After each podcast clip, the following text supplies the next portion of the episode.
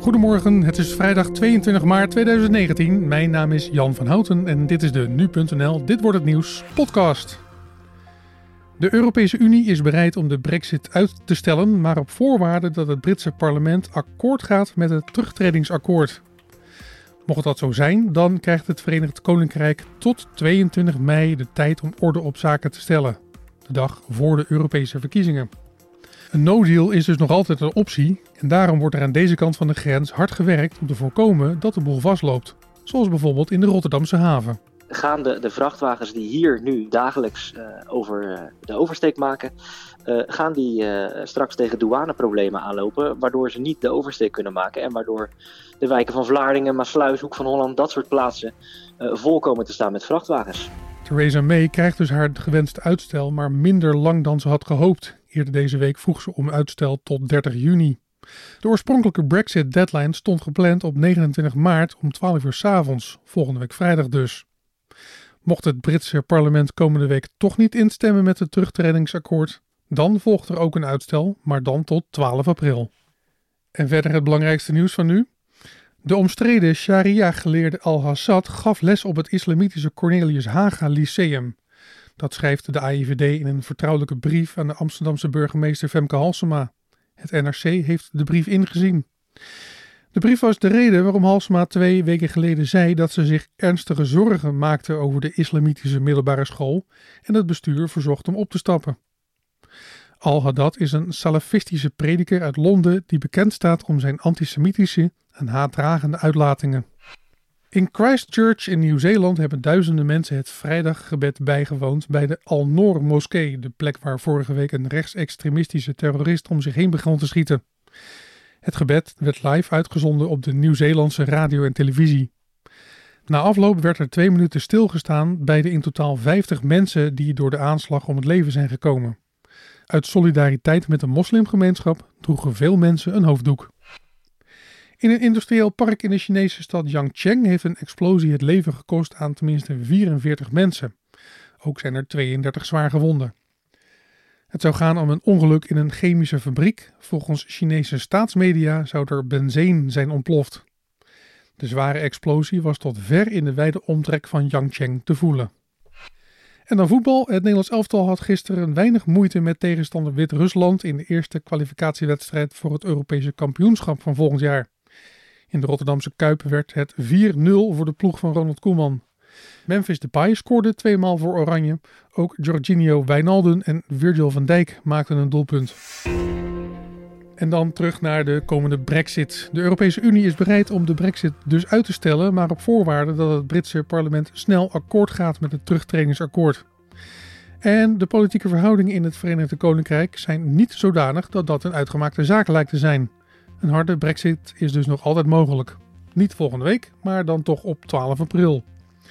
Wat voor gevolgen heeft zo'n harde brexit voor Nederland? We liggen tenslotte redelijk dichtbij Groot-Brittannië. We zijn buren. Nu.nl-verslaggever Job van der Plicht is de afgelopen week op bezoek geweest in de Rotterdamse haven.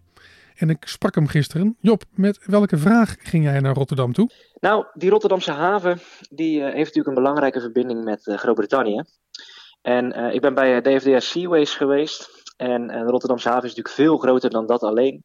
Maar daar vervoeren ze vrachtwagens met de ferry, dus met de boot, de veerboot, van Rotterdam naar Groot-Brittannië. Um, en de vraag die ik, die ik me, me stelde voordat ik daar, daar kwam, was: gaan de, de vrachtwagens die hier nu dagelijks over de oversteek maken, gaan die straks tegen douaneproblemen aanlopen, waardoor ze niet de oversteek kunnen maken en waardoor de wijken van Vlaardingen, Maasluis, Hoek van Holland, dat soort plaatsen vol komen te staan met vrachtwagens. Heb je enig idee hoeveel vrachtwagens er ongeveer dagelijks heen en weer gaan naar Engeland? Ja, dat verschilt per jaar en dus ook per dag. Um, maar uh, gemiddeld gezien gaan er vanaf DFDS Seaways, dus niet in de hele Rotterdamse haven, maar van dat bedrijf, wat een belangrijke, belangrijke speler is daarin, gaan er jaarlijks 1,2 miljoen vrachtwagens maken de oversteek. En op dagelijkse basis betekent dat dat er 3000 vrachtwagens ongeveer de oversteek maken. Stel, er is een harde brexit. Op 29 maart om 12 uur uh, s'nachts gaat de grens dicht. Wat verandert er voor dat bedrijf? Nou, dat betekent dat er een harde, harde grens komt. en dat betekent dus ook dat je niet meer zo makkelijk naar, ehm, nou, naar Groot-Brittannië kan. Zoals je nu vanaf Nederland naar, naar, naar, België kan, naar Duitsland, naar Frankrijk, naar Spanje. Nou, noem alle EU-landen maar op. dat betekent dat je de goederen die je bij je hebt en ehm, ook de persoon die, die die oversteek maakt, dat die gecontroleerd moeten worden door de douane. Ja, en dat levert ja, dat levert vertraging op, want dat kost meer tijd natuurlijk. Het bedrijf waar je geweest bent, houdt dat rekening met een harde brexit? Of uh, verwachten ze dat er toch nog op het laatste moment iets gaat uh, gebeuren? Ja, ze houden daar zeker rekening mee.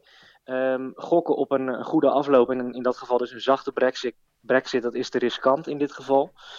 Um, want dat zou betekenen dat als je hier niet op voorbereid bent en het zou een harde brexit worden, ja, dan heeft uh, zo'n bedrijf en ook de omgeving wel een groot probleem. Het bedrijf is niet de enige uh, dat zich hierop voorbereidt. Dat, doen ze samen met partijen als Rijkswaterstaat, de gemeente, bewoners, nou, meer van dat soort organisaties.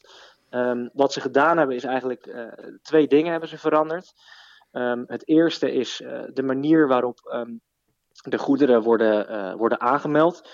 Uh, voorheen was het zo dat dat helemaal niet hoefde bij de douane. De douane speelde hier amper een, rol in. Nou, met een harde brexit gaat dat natuurlijk veranderen. Um, er is een systeem opgezet, wat eigenlijk al bestond. Dat systeem werd gebruikt uh, nou, voor de, de containerschepen uh, die verder van de wereld komen.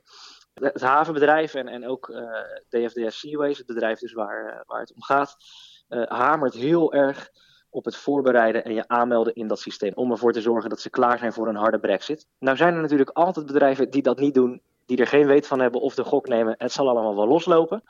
Nou, voor, de, voor die uh, oplossing, die dus eigenlijk geen oplossing is, um, heeft uh, Rijkswaterstaat samen met uh, de gemeente, de omliggende gemeente, een aantal parkeerplaatsen ingericht waarop die vrachtwagens kunnen staan, zodat ze zich niet gaan verplaatsen naar de wijken van uh, nou, de plaatsen die ik net noemde, Vlaardingen, Hoek van Holland, Maasluis, dat soort plaatsen. Maar dat ze op die parkeerplaatsen kunnen blijven staan. En dat daar de papieren in orde kunnen worden gemaakt. En dat ze op die manier alsnog de oversteek uh, kunnen maken naar Groot-Brittannië. En het gaat om in totaal 700 parkeerplaatsen. Nou ja, de autoriteiten hopen dat dat genoeg is.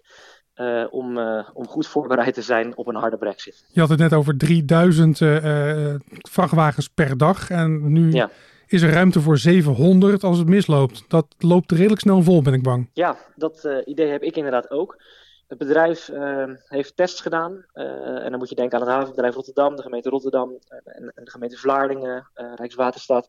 Dat soort instanties hebben tests gedaan en nou ja, voorspellen dat die 700 plekken genoeg zijn voor de vrachtwagens die de oversteek niet direct kunnen maken. De toekomst zal uitwijzen of dat inderdaad genoeg is. Maar ja, ja, het, is uh, vrezen met grote vrezen. Um, want het zou zomaar kunnen zijn dat het niet genoeg is. Ja, en dan gaan de vrachtwagens inderdaad uh, zwerven door, door die plaatsen. Je hoorde nu.nl-verslaggever Job van der Plicht. En dan verder vandaag. Er zijn maanden dat er minder in Nederland gebeurt dan de afgelopen week. Afgelopen maandag vond er een aanslag plaats in Utrecht en misschien krijgen we vandaag meer te weten over het motief van de dader. Vandaag namelijk wordt Gugman T. voorgeleid aan de rechtercommissaris. En vanavond is er een stille tocht in Utrecht. Ik praat erover met nu.nl-redacteur Lisa van der Wal. Lisa, geef eens in vogelvlucht de gebeurtenissen weer van de afgelopen dagen. Ja, wat er in de uh, afgelopen dagen vooral is gebeurd zijn... Uh, er komt gewoon, komen gewoon steeds meer details naar buiten over het onderzoek, de stand van zaken tot nu toe. Met als hoofdgebeurtenissen natuurlijk dat er op maandag drie mensen zijn aangehouden, waaronder natuurlijk de hoofdverdachte waarvan er twee weer zijn vrijgelaten. Maar er is er ook weer uh, eentje uh, opgepakt. Een 40-jarige man uit Utrecht, waar we eigenlijk nog niet heel veel van weten. Dus ik, ik denk dat dat uh, de hoofdlijnen voor je zijn. Vandaag wordt uh, Gugman T. voorgeleid. Hoe gaat dat in zijn werk? Ja, wat, uh, wat eigenlijk uh, uh, voorgeleid worden inhoudt, is dat de rechtercommissaris die gaat kijken naar op welke grond iemand is aangehouden en of dit juist is gebeurd of de verdenking groot genoeg is om diegene nog langer vast te houden. Dus je kunt je voorstellen dat in het geval van deze hoofdverdachte de hechtenis ja, vrijwel zeker wel verlengd zal gaan worden. Komt daar nog nieuws uit dat je, dat je denkt, of is dit meer een procedurele iets? Ja, dat, dat, het ene sluit het ander niet uit. Um, uh, in principe uh, is het een procedureel iets dat, dat iemand natuurlijk uh, binnen een paar dagen na zijn aanhouding voorgeleid moet worden. Dat, dat is altijd zo voor elke verdachte. Het kan wel zijn dat hier nog meer details uit gaan komen over in welke omstandigheden hij mogelijk tot zijn daad is gekomen en dat soort details. Vanavond wordt er in Utrecht ook een stille tocht gehouden. naar aanleiding van de aanslag van afgelopen maandag. Wat kun je daarover vertellen? Ja, uh, dat is inderdaad uh, vrijdagavond. En uh, wat, er, wat er gaat gebeuren is, vanaf half zeven kunnen mensen zich op het jaarbeursplein gaan verzamelen. En een half uurtje later, dus om zeven uur, zal de stille tocht dan gaan beginnen. En dan gaat die stoet loopt naar het 24 oktoberplein, waar natuurlijk de aanslag van maandag heeft plaatsgevonden. En uh, hier kunnen dan bloemen neergelegd worden. Er is daar eerder al een, gedenkplaats ingericht waar al bloemen liggen. Maar uh, uh, hier kunnen dus nog meer bloemen bij neergelegd worden. En de gemeente heeft ook gevraagd of mensen witte of rode bloemen of allebei mee kunnen nemen. Omdat het natuurlijk de kleuren van de Utrechtse vlag zijn. Je hoorde nu.nl-redacteur Lisa van der Wal. Het gerechtshof in Arnhem doet vandaag uitspraak in het hoger beroep tegen Mark Dier. Hij wordt verantwoordelijk gehouden voor de dood van zakenman Koen Everink. De voormalig tenniscoach werd eerder veroordeeld tot 18 jaar cel, maar blijft volhouden onschuldig te zijn. Koen Everink werd twee jaar geleden om het leven gebracht met 24 messteken in zijn woning in Beeldhoven, terwijl zijn dochtertje boven lag te slapen. Een drukke dag voor het Openbaar Ministerie, want vandaag beginnen ze ook om te proberen om motorclub No Surrender te verbieden. Volgens justitie is de motorbende een criminele organisatie die een gevaar vormt voor de openbare orde. Ze zouden hun gewelddadige imago gebruiken voor intimidatie en afpersing. Eerder heeft het OM dat argument al succesvol toegepast bij het verbieden van motorclubs zoals de Hells Angels, Satudara en Bandidos. En dan nog even het weer. Deze ochtend is er opnieuw kans op mist, maar als die in de loop van de ochtend verdwijnt, komt de zon tevoorschijn. Er is slechts heel af en toe enige bewolking. In het noorden wordt het 13 graden, meer naar het zuiden kunnen de temperaturen oplopen tot 19 graden. En dan nog dit. 40 kilometer in één nacht. Doet hij een marathon? Hij is groot. Minstens 2 meter, schat ik. Meer dan 200 kilo.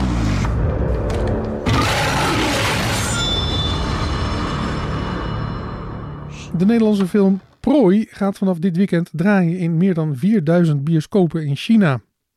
Het is voor het eerst dat een Nederlandse speelfilm op zo'n grote schaal een Chinese bioscooprelease krijgt. De thriller van Dick Maas uit 2016 gaat over een grote agressieve leeuw die Amsterdam onveilig maakt. En dat was het dan, Dit Wordt Het Nieuws podcast van deze vrijdag 22 maart 2019. Je vindt deze podcast maandag tot en met vrijdag om 6 uur s ochtends op nu.nl. Tips, suggesties of klachten? Laat het ons weten via podcast.nu.nl of laat een reactie achter in je favoriete podcast app.